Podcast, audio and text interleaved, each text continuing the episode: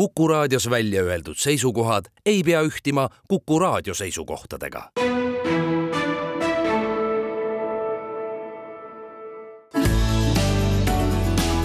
keskpäevatund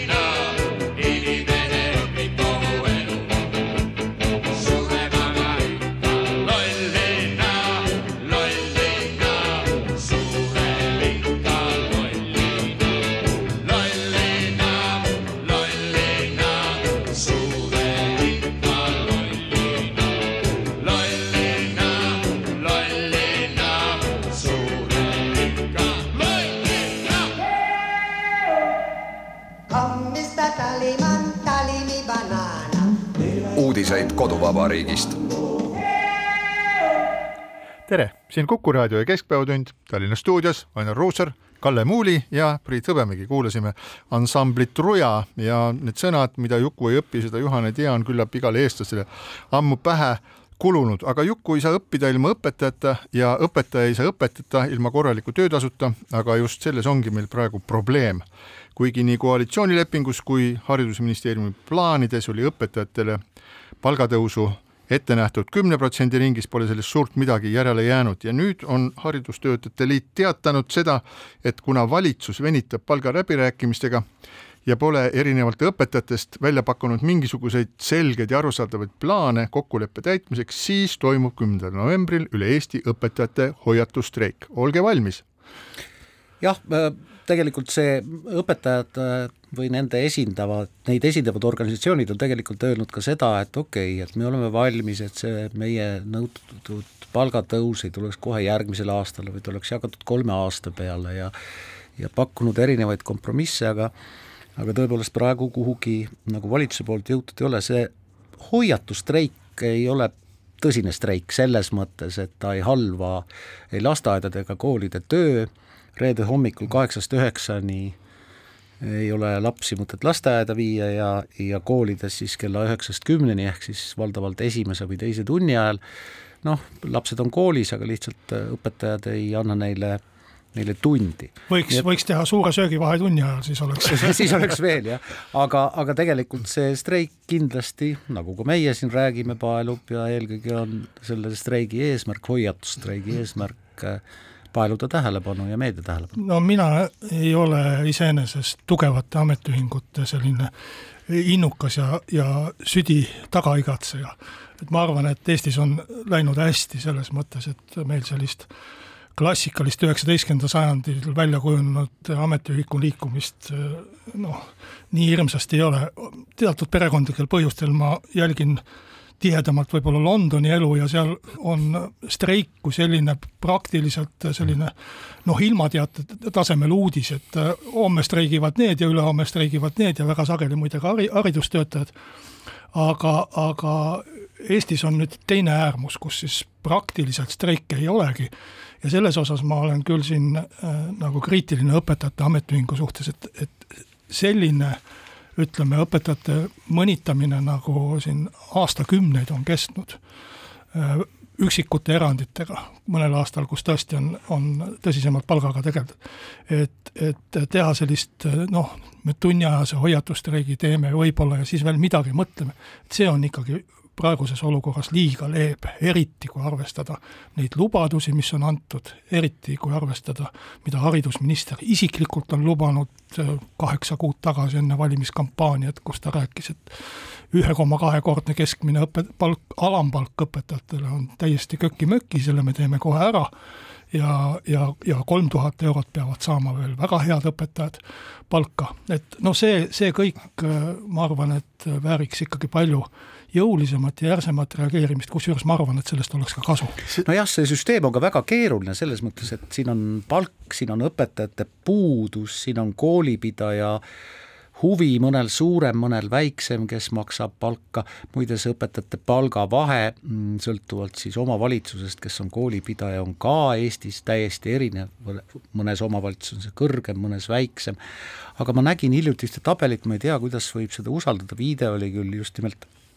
haridusministeeriumile, kus oli siis Eestis tehtud ülevaade sellest, kui palju mingites omavalitsustes on täiskoormusega, poole koormusega ja kolmveerandkoormusega õpetajaid ja sellest tabelist tuli välja, et tegelikult kui noh, ideaalis, kui kõigis omavalitsuste koolides oleks õpetajatel täiskoormus, siis meil A ei oleks õpetajate puudust ja B ei oleks ka seda palgaprobleemi, ehk siis tegelikult see probleem osaliselt tuleneb ka sellest, et needsamad õpetajad töötavad mitme koha peal, kõik ei ole kogu aeg õpetajad, vaid teevad tööd ka kusagil mujal, see on poolkoormust õpetajad ja, ja nii edasi, nii et see on väga keeruline valdkond. selle kõige juures on äh, kummaline, et äh, väga pikki aastaid on õpetajate palgad olnud midagi taolist, mida alguses suure suuga lubatakse, kui toimuvad mingisugused läbirääkimised, valitsusläbirääkimised, mis iganes ja seejärel need siis äh, unustatakse. Või kui ei unustata, siis kasutatakse minu meelest ühte erakordselt alatut trikki, äh, kui õpetajad, äh, me hästi palju räägime sellest, et meil peaks olema õiguskindlus, meil peaks olema usaldus selle vastu, mida siis valitsuse liikmed, poliitikud omavahel kokku lepivad, mida nad lubavad, ja tegelikult me näeme ka päevast päeva, kuidas seda siiski teatud tasanditel lõhutakse, et kui lubatakse mingisugust teatud sorti õpetajatele palgatõuse ja siis öeldakse pärast, et kahjuks me ei saa nii palju, me oleme neid vaadanud sügavamalt numbrites sis, sisse ja nii edasi, aga kindlasti numbritesse on hea sisse vaadata, aga mis on minu meelest, noh, see on nagu lausa lausa nagu alatu trikk on see, kui hakatakse rääkima, et nojah, et õpetajate palk, aga kellelt me selle raha siis ära võtame, et kas me peame selle ära võtma päästjatelt või me peame selle ära võtma kellegi teiselt, see on see on selles mõttes alatu, et valitsus, kes on nagu alati igasuguses riigiga suhtlemises on ta tugevam pool ja kelle käes on jõud ja võim, hakkab siis neid, kelle nõrgemaid, kes äh, soovivad omale palka mingisugusel vähesel määral juurde saada, hakkab neid nagu paneb, teeb neid nagu süüdlasteks, ah, teie olete siis sellised, kes hakkavad meilt raha nõudma, näete, aga siis pärast päästjad jäävad sellest ilma või jäävad, keegi teine jääb sellest ilma. tegelikult ongi üks näide, päästjad on alati see, see, see konkreetne näide, et kui kuskilt raha võtta, siis, siis tuuakse näiteks, et aga päästjad päästjad. Need on nagu sellised, sellised ala, alati need esimesed, kelle, kellelt tuleks nagu ära võtta. just, just. aga nendes, ähm, kogu see haridussüsteem tervikuna on selline, milles on tegelikult vaja su üsna suurt remonti ja üks idee, mida viimasel päev, viimasel ajal on üsna palju räägitud just nimelt seoses siis kohalike omavalitsuste soovi või soovimatusega koole pidada, ongi äh, see, kuidas kohalikud omavalitsust raha jagavad, mida nad saavad siis Haridusministeeriumilt. Äh, suur osa kohalike omavalitsuste sissetulekust äh, ongi siis äh, hariduseelarvest saadud, aga see kõik mitte ei lähe siis õpetajatele, see ei lähe sugugi mitte koolidele, vaid selle eest tehakse ka mitmesuguseid muid asju, et üks asi on see, et sellised summad peaksid olema sihtotstarbelised, et kui nad ei ole, siis neid hakatakse kasutama teede lappimiseks või katuse parandamiseks, mis on ka muidugi väga oluline, aga üldiselt minule üha rohkem saab selgeks see, et kohalikud omavalitsused Eestis ei ole täna võimelised pidama üleval sellist koolisüsteemi, mida Eesti avalikkus peab heaks koolisüsteemiks no,? väga, väga erinev, piirkonniti äärmiselt erinev. ehk siis on omavalitsusi, kus tõepoolest tekib küsimus, jah, kas seda kooli remontida ja kas seda ülal pidada, kui vaadata, et noh, meil on ajalooõpetaja, on ka matemaatikaõpetaja ja, ja samas ka geograafiaõpetaja ja kokku tuleb liita mõned äh, algklassid, näiteks esimene, teine ja kolmas,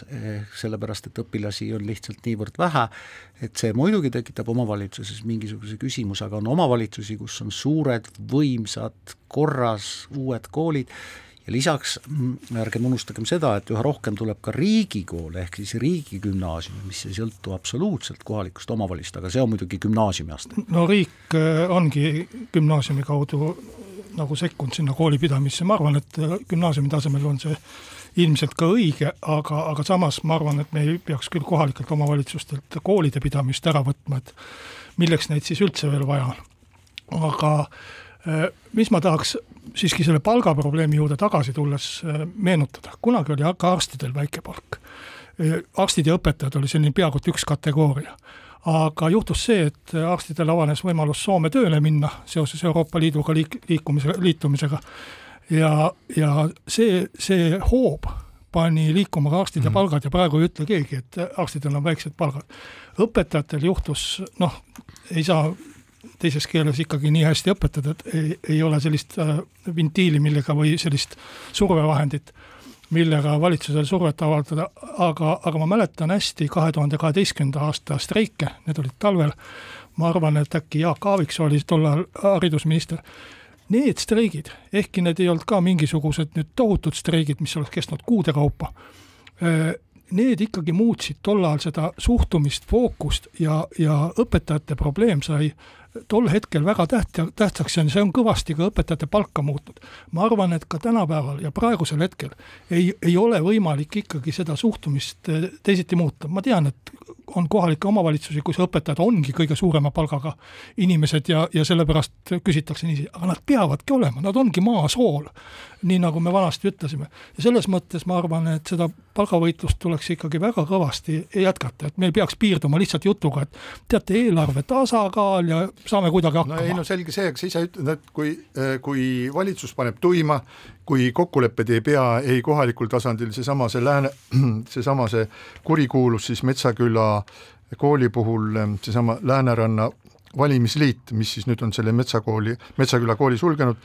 andis valimisliidu valimislubaduses olid säilitame kuueklassilised koolid Kõmsil ja Metsakülas õpilaste olemasolul ja ka koalitsioonileppes on sellised äh, allkirjad. ehk see, mida lubatakse, et see enam ei maksa mitte midagi, see lihtsalt ei maksa. ja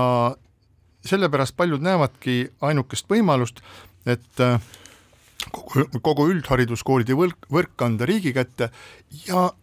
selle kõrvalt lihtsustada regulatsiooni ja lisaks veel siis luua selliseid haridusseltse, mis hakkaksid maal juba no sisuliselt üheksateistkümnenda sajandi lõpu eeskujul siis äh, koole pidama ja, ja koolipidamisega tegelema. see süsteem tuleb teha äh, lihtsamaks, mitte ajada keerulisemaks, ehk siis tegelikult äh, noh, kui kooli pidamine on omavalitsuse ülesanne, siis peaks olema üheselt reguleeritud noh, selle õpetaja palk vastavalt õpetaja koormusele, õpetaja koormust on üsna lihtne mõõta, sõltuvalt sellest, palju ta annab nädalas tunde, kas ta on klassijuhataja, kas tal on mingeid huvialaringe ja nii edasi, seda on täiesti võimalik äh, mõõta. Äh, nüüd iseasi on tõepoolest see, et kusagil ilmselt, kusagil läheb piir, kus kus omavalitsus peaks nagu mõtlema, kas seda kooli on mõtet pidada või mitte pidada, aga siin on ka tegelikult üsna lihtne mõõta ja riiklikult kehtestada seda, et, et kooliõpilase koolitee ei tohi kesta kauem või ei tohi olla pikem ja nii edasi. ühe õpilasega või kolme õpilasega kooli muidugi ei ole mõtet pidada. täna me seda siin ära ei lahenda, aga me saame kindlasti palju sellest rääkida, aga läheme selle juurde, et Eesti poliitikataevas on üks rakett, mis ei ole uus, aga mis on juba tuntud, aga lendab nagu hull, see on Isamaa, mis reitingutes pidevalt tõuseb ja on jõudnud nüüd ka Reformierakonnast ette, tõsi küll, null koma kahe protsendiga, mille kohta ütlevad äh, asja, asjatundjad, et noh, see on vea piirides, mis tõenäoliselt on umbes kaks-kolm protsenti, aga sellest hoolimata on see märgiline, nii et eespool on veel ainult EKRE, aga praeguseks on siis esikolmik on äh, EKRE, teine Isamaa ja kolmas Reformierakond. Ja ma ütleks küll nii, et seda ei oleks äh,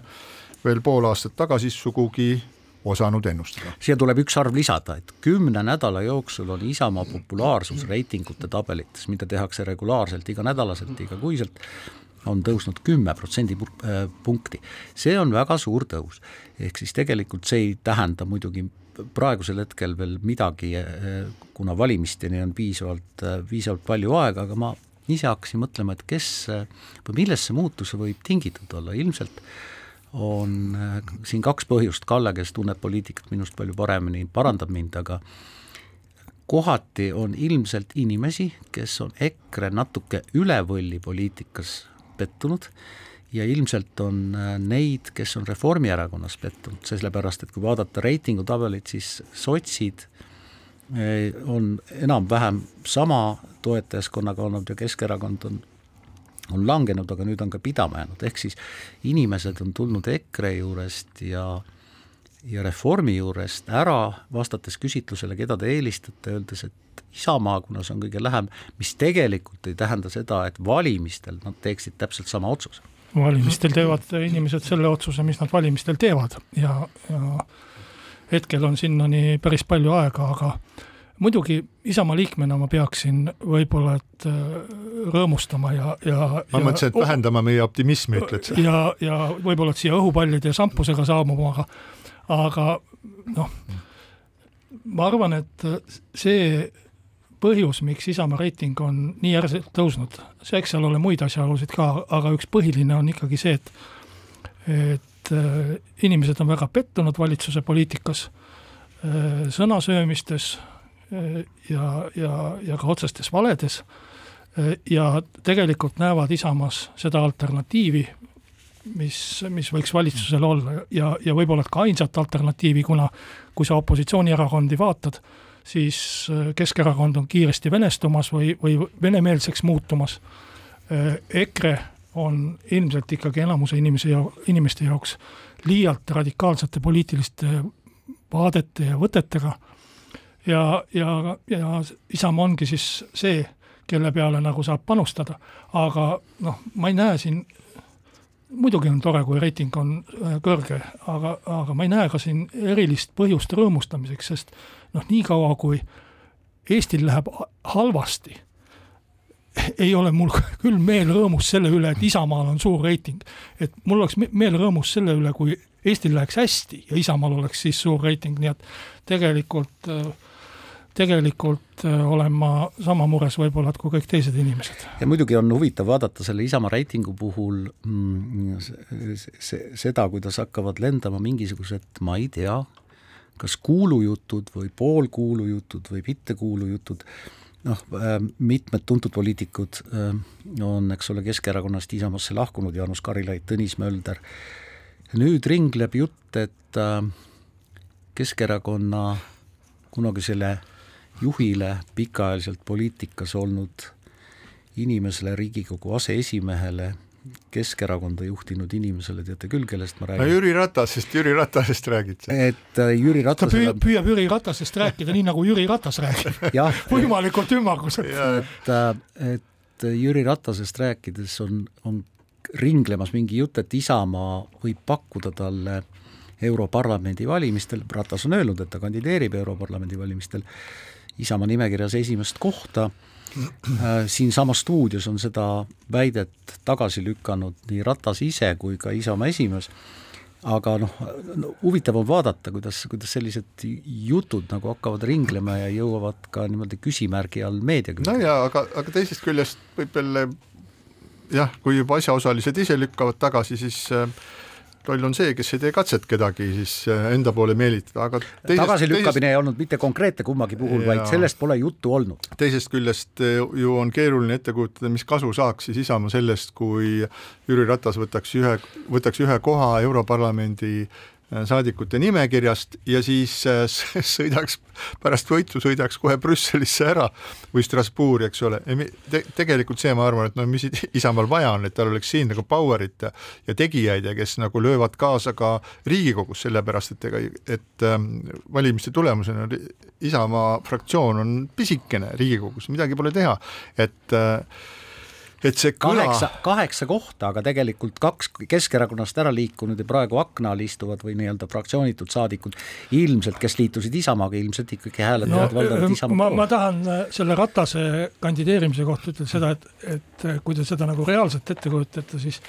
eks ta ole, oleks ikka poliitiliselt väga riskantne käik panna teise erakonna äsjane esimees ja käilakuju oma äh, valimisnimekirja etteotsa, kuidas suhtuvad sinu erakonna valijad sellesse ja kuidas suhtuvad endised Keskerakonna ja Ratase äh, valijad sellesse.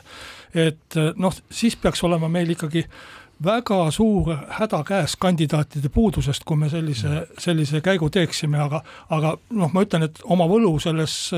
sellises aferistlikus mõtlemises kindlasti on. ja, ja, ja seda, sellele võlule lisab hoogu ka Keskerakond ise või nii-öelda siis see Kõlvarti tiib, sest et Yana Toom, euro-, saadik Euroopa Parlamendis ütles, et ta on ta on valmis Jüri Ratasele loovutama esikoha Euroopa Parlamendi valimistel. ja, ja aga jah, aga, aga, aga kui nüüd rääkida noh, tõsisematest asjadest, siis mul on tegelikult päris ka tõsiselt mure selle olukorra üle, mis on nagu tekkinud äh, poliitikas sellega, et, et Reformierakonna ja valitsuse maine on väga kiiresti langenud ja samal ajal noh, tavaliselt ju poliitikas lahendab selle see, et valitsus kukub ja, ja valitsust vahetatakse, tuleb uus esimees erakonnale või uus peaminister ja elu läheb edasi. aga, aga praegu on Reform võtnud hoiaku, et nemad äh, ei vaheta esimeest, äh, noh, sisuliselt kuni siis järgmiste sügiseni peame istuma ja, ja ootama, millal siis esimees ära läheb Euroopa Komisjoni, kuhu ta hirmsasti tahab minna. et, et mulle meenutab see olukord väga äh, üheksakümne seitsmendat aastat, kus, kus äh, valitsus ei saanud ka vahetuda sellepärast, et ühel jõul, nimelt Koonderakonna ja Maarahva Ühendusel, oli parlamendis nelikümmend kaks kohta ja noh, keegi teine ei saanud seal sisuliselt valitsust teha. ja praegu on peaaegu samasugune olukord. ja, ja Mart Siimanni vähemusvalitsus valitses siis kaks aastat lihtsalt tiksudes ja, ja mulle tundub, et me oleme samasuguses olukorras, selline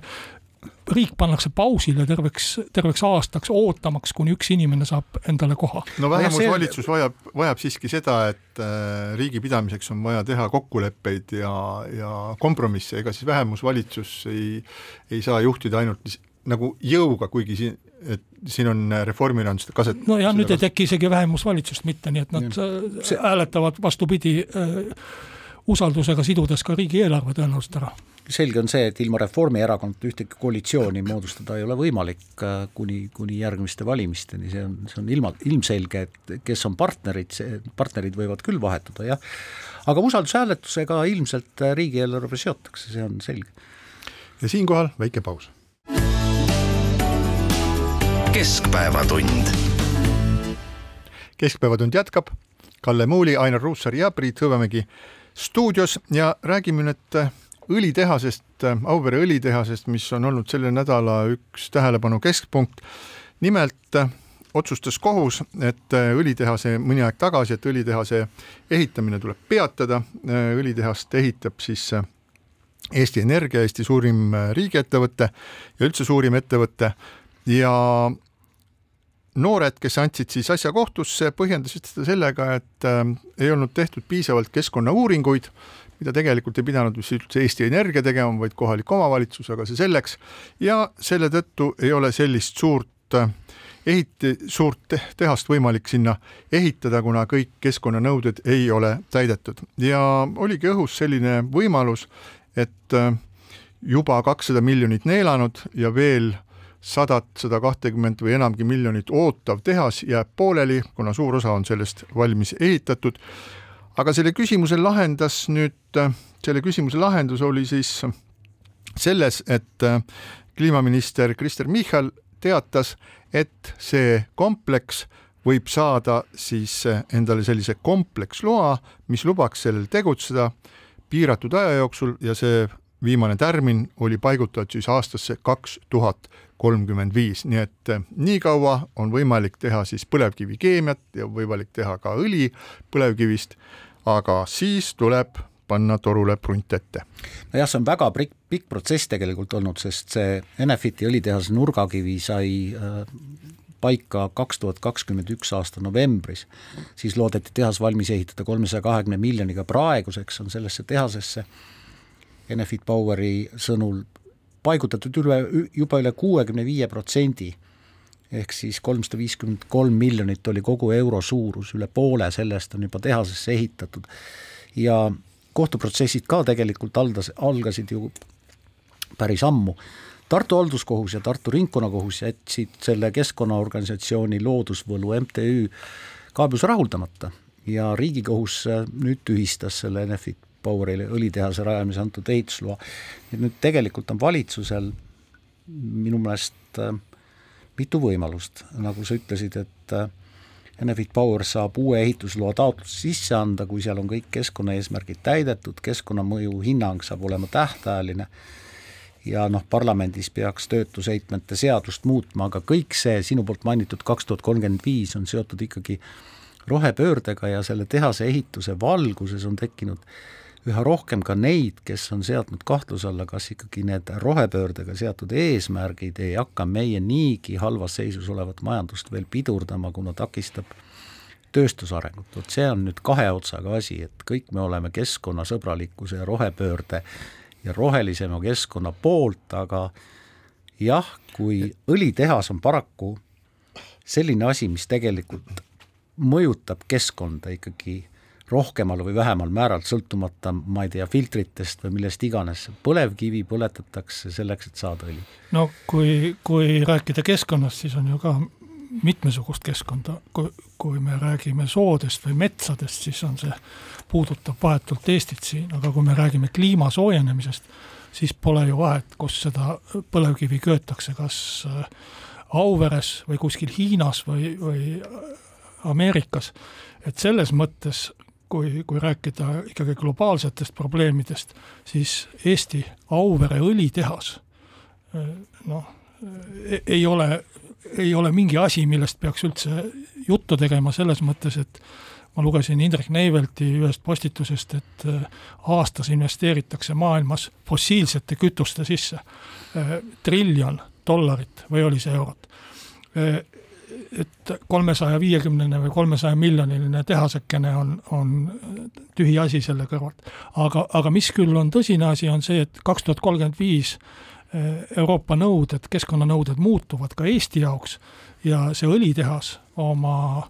nii-öelda sellelt keskkonnamõjult võtaks eh, nii kõvasti seda eh, ära, et teiste Eesti ettevõtete jaoks ei jääkski nagu eriti midagi või ühesõnaga jääb ebaproportsionaalselt vähe ja see on see jutt nüüd, millest me räägime, et miks antakse tähtajaline kompleksluba aastani kaks tuhat kolmkümmend viis ja selleks on vaja natuke seadust muuta, sest siiamaani tähtajalist luba ei saanud anda. minu meelest on see väga mõistlik, nüüd ma pean valitsust kiitma pärast seda, kui ma olen kaks mm -hmm. saate peatükki teda äh, kirunud, ma pean ütlema, et minu meelest on see päris mõistlik lahendus ja täitsa, täitsa asjalik lahendus, sellepärast et aastaks kaks tuhat kolmkümmend viis sinna on kaksteist aastat aega, võivad kõik asjad olla muutunud. selle juurde ma tahtsingi siin jõuda, et äh, siin jutt sellest kaks tuhat kolmkümmend viis, kaks tuhat viiskümmend ja, ja nii edasi, nii edasi. jääb mulje, et me elame ülistabiilsel ajastul, kus kõik äh, plaanid, mis on kinnitatud järgmiseks viiekümneks või sajaks aastaks, Eestis on isegi tehtud siis metsanduse arengukavasid või selliseid äh, pilguheite kuni saja aasta kaugusele, siis tegelikult me elame hoopis teistsuguses maailmas. me elame maailmas, kus me tegelikult ei tea, mis on homme või me ütleme nii, et me tegelikult ei tea, mis on aasta pärast. meil on sõda Ukrainas, mis on jäänud äh, toppama, kus on kaks kaks tohutut äh, sõjalist võimsust. mis on, ei ole keskkonnasõbralik. mis ei ole üldse keskkonnasõbralik, mis on tohutult äh, äh, ressursse neelav, meil on täiesti plahvatuslik konflikt Lähis-Idas konfliktid võivad omavahel ühineda, neid jõude, mis soov, sooviksid neid konflikte ühendada ja tekitada sellist globaalset vastasseisu siis headuse, kurjuse, demokraatia, autoritaaria ja nii edasi, nii edasi vahel. Neid on niivõrd palju ja me oleme nii väiksed ja see avaldab kindlasti meile mingisugust mõju, nii et praegu ma ütleksin niimoodi, et pole mõtet erutuda selle selle kuupäeva aastat kaks tuhat kolmkümmend viis üle, pole mõtet erutada ka kuupäev siis selle Euroopa Liidu plaanide üle aastaks kaks tuhat viiskümmend, sest selleks ajaks jõuavad kõik asjad niivõrd tohutult palju muutuda. Ja üks asi veel, et me oleme siin Eestis näinud väga selgelt, et mingisugust õiguskindlust valitsuse otsuste või seaduste vastuvõtmise puhul enam ei ole, kõike on võimalik tagasi pöörata, me nägime seda selles, kuidas äh, Reformierakond pööras tagasi Isamaa lastetoetuste tõusu, kõike saab tagasi pöörata, läheb tulevad järgmised valimised, on teistsugune koalitsioon, pööratakse need asjad ümber ja tulevad uued mingisugused seisukohad. ja. jaa, aga sõltumata sellest äh, kliimaeesmärkidest aastaks kaks tuhat kolmkümmend viis on noh, ma olen nõus sinuga, Kalle, et Auvere tehas, kui vaadata maailma, on, on väike asi. aga ta on suur asi selles mõttes, et kui me investeerime Eestis ühte tootmisharusse, mis hõlmab tegelikult natuke rohkem kui seda õli tootmist, vaid see hõlmab ka põlevkivi tootmist, see tähendab seda, et kaevurid peavad saama tööd või kui tehas seisma jääb, jääma tööta, kui me oleme valmis ehitanud rohkem kui poole planeeritavast tehasest, siis seda seisma jätta on ju tegelikult kuritegelik, siin on väga-väga-väga palju nüansse, aga mulle jäi silma äh, endise peaministri ja Euroopa Kontrollikoja koja liikme Juhan Partsi üks, üks ütlus. Ja Parts ütles, ta tunneb ju Euroopat päris hästi, et radikaalsete ökoliikumiste metsaktivism on kujunenud Euroopas uueks majandusharuks. ehk siis ähm, see on selline mõte, mis ähm, loodetavasti ei vasta tõele, aga võib-olla siin on iva sees. no kui me vaatame seda ajaperspektiivi ikkagi kaks tuhat kolmkümmend viis, kaksteist aastat, jah, metsa vist planeeritakse sada aastat ette ja pensioneid ka arvutati minu meelest kuuskümmend või kaheksakümmend aastat ette. Aga, aga ja isegi kui ma jätan kõiksugused sõjad ja, ja tõesti globaalsed vapustused, mis võivad meid ta, ta, ta, tabada kõrvale, siis kui me mõtleme tagasi kas või ainult see kaksteist aastat, aastal kaks tuhat üksteist, millised olid Euroopa kliimahoiakud siis, kuidas Saksamaa sulges oma tuumajaamu ja, ja kuidas ta praegu püüab jälle sellest olukorrast välja rabelda, kuidas panustati Vene gaasile ja, ja nii edasi, et kõik see on nii eh, noh, muutuv ja, ja inimeste otsused ongi inimeste otsused, et eh, lõpuks, kui on ikkagi häda käes, saadetakse viisakalt öeldes kukele kõik, kõiksugused äh, ebaökoloogilised ja, ja, ja keskkonda kahjustavad asjad, inimesed peavad saama süüa, tööd ja leiba, see on nagu igal riigil ja igal valitsusel esimene, esimene prioriteet. ja ma arvan, et see õlitehas on samasugune asi. mis maavarasid meil on, mida me saame üldse siis kasutada ja, ja ja, ja millest me võiksime nagu mingisugust äh, üldse tulu oma riigile saada kui, kui, kui me põlevkivi ei kasuta. kui ma nüüd ütlen, et hakkame fosforiiti uurima, siis läheb no, asi päris hulluks. ma just, ma just tahtsin sinna jõuda, et oli minagi see, kes kaheksakümmend seitse kandis kollast särki ei fosforiidile. ja, ja, ja, ja, ja sellega ongi ammendatud, et, et metsa me ka ei tohi maha võtta ja, ja siin ma olen nagu täitsa päri, et ei tohigi. aga et midagi ja kuskilt me peame seda raha saama, me ei saa lasta oma inimestel nälga. see on selge, ega, ega, ega siis ma toon selle sellesama näite jälle, et ega sellest, kui meie kõik kolmekesi hakkame teineteisele raha eest juukseid lõikama, sellest ei tule raha juurde. raha on ikka sama palju, nagu enne oli, lihtsalt vahetab taskuid, et see, kuidas riik üldse saab raha juurde, on see, et me suudame midagi toota, ettevõtted suudavad toota midagi, mida on võimalik müüa välismaale. Ja see toob meile raha sisse. nüüd maavarasid meil on äh, mitte väga palju, aga natukene siiski on. Ja kogu see diskussioon selle põlevkivi kasutamise üle on selles mõttes väga kummaline, just nagu tulevikku ei oleks üldse olemas ehk me ju teame, et keemiatööstus, tehnoloogia, kõik, kõikvõimalikud tehnoloogiad arenevad pidevalt ja praegu on siis põlevkivi kasutamise suurim probleem on CO2 heitmed. CO2 heitmete sidumisega tegeletakse maailmas väga põhjalikult, on loodud erinevaid süsteeme, tõsi, suurt hüpet ei ole toimunud, aga no oletame, et seal viie aasta pärast luuakse, luuakse selline tehnoloogia, mis suudab CO2-st ja põlevkivituhast tekitada mingisugust äh, betoonitaolist moodustist, millega võib täita näiteks vanu kaevandusi sealsamas. Ja siis on sellel mõte, et praegused plaanid justkui ei sisalda üldse seda, et maailm areneb tehnoloogiliselt pidevalt edasi, et asjad lähevad tundlikumaks ja suudetakse seda keskkonda paremini hoida just tänu uuenevale tehnoloogiale. ja vot natuke meenutab äh, see kõik äh, seda automaksu mm, seaduse eelnõu, kus ka koalitsioonis endas sees on väga palju eriarvamusi, et et noh, see jutt sellest, et automaks aitab, äh, aitab nagu säästa keskkonda, ma kordan, see on minu arvamus, see on jabur jutt, kui me maksustame vanemaid autosid vähem kui uusi äh, Äh, vähem saastavaid autosid, kui me maksustame tuhat, tuhande seitsesadat traktorit, mis kindlasti saastavad, aga mis, nende maksustamine mõjutab meie toiduainete hindu ja nii edasi ja nii edasi, siis tegelikult tundub, et see automaks on nagu, nagu võtnud pöörde ka kogu muu elu peale. ma arvan, et seda kaheksakümne seitsmenda aasta fosforiidiprotestide valguses tõepoolest ilmselt fosfori kaevandamise luba lähiaastakümnetel keegi anda ei julge, sellepärast et see võiks tekitada emotsioone, aga kui meil on võimalik kaevandada ja töödelda põlevkivi võimalikult keskkonnasõbralikult ja nagu sa viitasid, siis maailmas tegelikult see üha rohkem areneb ja see on võimalik, siis ma arvan, et kaevandusi kinni praegu panna ei tasu. jah, kui, kui me sinna ei investeeri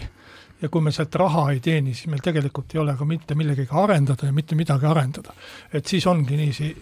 kiviaegne kogu see põlevkivi tootmine, et kui me vaatame praegu, mis elektrijaamadega on tehtud, ma mõtlen põlevkivi elektrijaamadega, siis seal tegelikult on ju see puhastusseadmed ja, ja, ja tehnoloogia siiski arenenud, ma ei ütle, et nad on nüüd kohutavalt keskkonnasõbralikud asjad, need põlevkivi elektrijaamad, aga nad ei ole ka äh, sellisel tasemel, nagu nad olid nõukogude ajal, kus nad võib-olla kümme korda rohkem saastasid. et, et äh, kui, kui keegi tahab hirmsasti investeerida vesinikutehnoloogiasse või või, või mingitesse muudesse tulevikuenergiasse, täpselt samamoodi me peaksime ja võiksime äh, uurida oma põlevkivi kasutamisvõimalusi, noh, ma arvan, et need ei ole hiiglaslikud, aga, aga midagi muud meil kasutada ei ole ja sellepärast me peaksime ikkagi pingutama seal, et kuidagi mahtuda nendesse äh, Euroopa reeglitesse ära ja ikkagi sealt endale raha koju tuua. jah kahtlemata, et ja Tallinna Tehnika tänu sellele põlevkivikeemiale ja põlevkivikaevandusele, mis Eestis on, on Tallinna Tehnikaülikool olnud ka, ma ei tea, kas ta enam on, aga ta on mingil ajajärgul olnud igal juhul üks maailma juhtivaid põlevkivikeemiaga tegelevaid eh, instituute ja tegelikult oleks see asi, mida tuleb just nii-öelda teaduse tasandil edasi arendada. Ja, ja võib-olla Eesti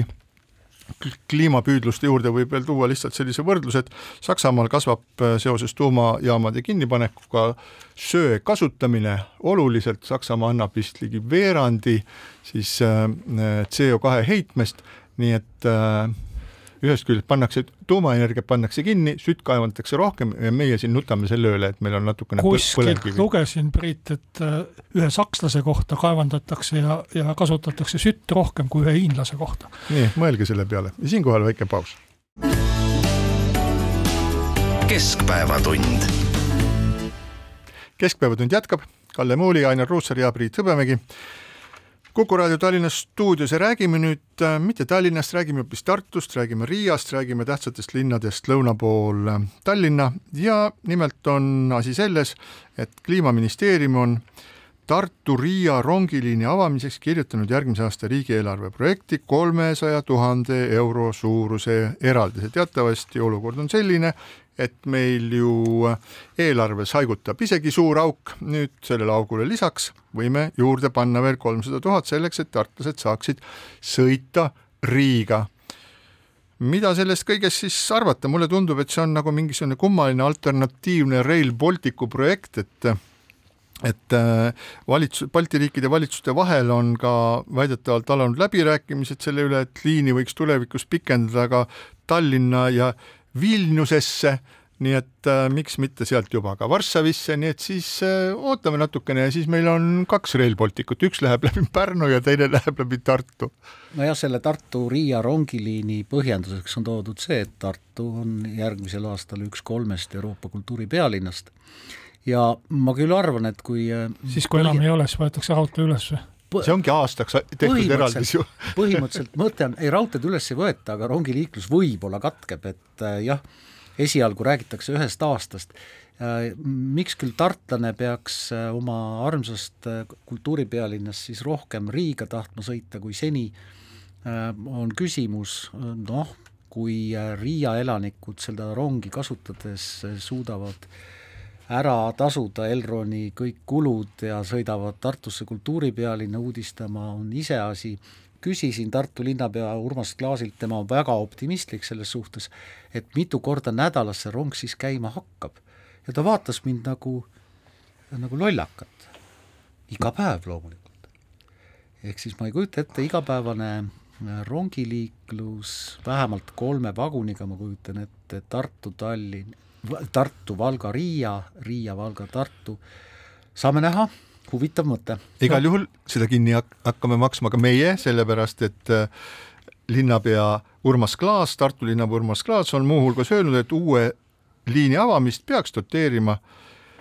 ei peaks doteerima linn oma eelarvest, et see rahvusvaheline rongiliiklus peaks olema ikka keskvalitsuse hool, nii et paneme rahad kõrvale, kogume natukene ja siis tartlased saavad Riia vahet no, sõita. küsimus on siis, et äh, kumma keskvalitsuse hool, Läti keskvalitsuse hool või, või Eesti oma, sest Lätis ikkagi tuleb pealinn, eks ju, teisel pool otsas vastu. aga eks see noh, tahtmata ühtegi rongiliini tarbetuks või, või vastupidi, hädavajalikuks pidada või, või kritiseerida, tahaks ma küll ütelda, et eks see rongiliinide avamine ole meil selline üks poliitiline üritus, et alles äsja põhimõtteliselt seesama valitsus või sama erakonna poolt juhitud valitsus ju tõmbas maha äh, Tallinn-Haapsalu raudteeliini äh, noh, praktiliselt juba olemasolevad või plaanidesse kirjutatud äh, rahad, ehkki seda on aetud ju pikka aega, aga, aga mahatõmbamise põhjus oli selgelt poliitiline, sellepärast et Keskerakond ei olnud ühel hetkel enam parketi, parketikõlbulik või valitsuskõlbulik ja ajas igasuguste asjadega jonni, võtame Haapsalust raudtee ära, on nagu selline poliitiline reaktsioon. nüüd on meil Tartus selline tore linnapea, kes on meie enda partei liige ja hirmsasti tahab midagi teha ja näidata, mis ta rahva heaks on teinud, anname talle siis raha ja avame raudteeliini. Ja noh, eks tegelikult ju võib ju Rail Balticut ka samas kontekstis vaadata, ainult et meie mees oli siis Äh, Euroopas, Brüsselis ja sai juhtida vastavalt transpordikomisjoni, mis siis selle plaanidesse kirjutas. et äh, väga raske on näha siin selliseid mingisuguseid majanduslikke või, või mõistlikke kaalutlusi nii ühe, teise või, või kolmanda asja puhul, et et äh, eks nad olegi selline poliitiline raudtee, et võiks tegelikult rongid ka veel partei värvidesse kas, kes, kes teist on Tartust Riiga sõitnud rongiga äh,? Äh, mina olen sõitnud omal ajal jah, kui käis see mm, rong nimega Tšaika ehk siis Minsk-Tallinn, mis peatus siis Riias ja ma ei tea veel kus, mõnes suuremates Läti ja Leedu, Leedu linnades, kaasa arvatud Tartus. Aga ma tahtsin öelda seda, et ideaalis on ju tore, kui on palju rongiühendust ka ja ka, ja ka üle piiri. iseasi on, on nüüd selles tõepoolest, et äh, see ühendus peaks ennast tasuma ära mingil hetkel, aga kindlasti kujuneb selle rongipileti hind kallimaks kui bussipileti hind, olen noh, viimase paari aasta jooksul ikka korduvalt kasutanud bussi ja ka rongi selleks, et jõuda näiteks siit Narva äh, või siit Rakveresse äh, või, või siit Tartusse. rongipilet on kallim, tõsi, kui sa võtad rongis kõrgema klassi pileti, siis on väga palju mugavam muidugi, kui bussiga sõita. Aga ega see rong nüüd väga palju kiiremini kui buss näiteks Tallinnast Tartusse ei jõua noh, eks, eks see ühenduse, ma saan aru, Priidu küsimuse mõte oli see, et ega keegi sellega ei sõida ju. aga me ei tea ju. et noh, tegelikult, tegelikult, tegelikult minu meelest see küsimus täiendab seda minu juttu poliitilisest raudteest, et ega, ega mingit ju uuringut või, või põhjendust või või, või seletust, et kui palju see inimesi siis nüüd kellel oleks hirmsasti pakiliselt vaja rongiga Riia ja, ja Tartu vahet sõita, et mingit äh, noh sellist... Valga, Valka jääb ka tee peale. kuule, aga tegelikult võiks ju esitada küsimuse, et, et kui nüüd tõepoolest kliimaminister Kristen Michal on siis äh, öelnud, et äh, kolmsada tuhat eurot on täitsa okei okay,, siis ma tahaks nagu ausalt öeldes lugeda neid dokumente, millele tuginedes selline otsus tehti, millele tuginedes otsustati panna siis äh, sellesse auguga eelarvest veel kolmsada, kolmsada tuhat sinna juurde. millised argumendid olid seal majanduslikud, millised poliitilised, millised kultuurilised ja nii edasi ja ma, ma julgeks ennustada seda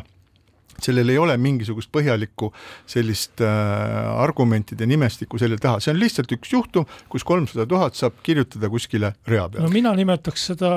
sellise ära leierdatud nimega, nimega nagu katuserahad, et, et äh, lihtsalt need on ministri katuserahad, mis antakse siis endale meelepärasele kohalikule omavalitsusele. miks mitte oma ja, ja aga kindlasti tuleks märkida seda, et oma erakonda kuuluva äh, siis äh, linnapea juhitavale linnale või sellele süsteemile. meenutame, et äh, Tartu sai selle südalinna kultuurikeskuse, mis ma-, läheb tõenäoliselt maksma mingisugune sada miljonit praeguste arvestustega, et selle võitis välja kadunud Aadu Must, nüüd anname veel siis, teeme rongiliini, ma, hea küll, ma olen üldiselt selle Süku ehitamise vastu, aga aga see, see ei kao kuskile ära, ehitatakse valmis, ta jääb sinna, loodame, et see tuleb ilus, aga see rongiliin tundub täiesti mõttetu, eriti see lipik ja eriti eelarve defitsiidiga arvestades, no mida siis nagu mõeldakse üldse? naljakas on muidugi ka see, et äh, sellest rongiliinist hakati rääkima noh, alles üsna hiljuti. Me teadsime mitu aastat, Tartu kaks tuhat kakskümmend neli on kultuuripealinn, aga siis kui see otsus äh, selgus, siis rongiliinist ei räägitud, et see on nagu väga värske uudis. väljas on november, et Tartu saamiseks kultuuripealinnaks on ka aega kaks kuud, ehk siis tegelikult siin tuleb minna kas tohutu tempoga äh, või on see mingisugune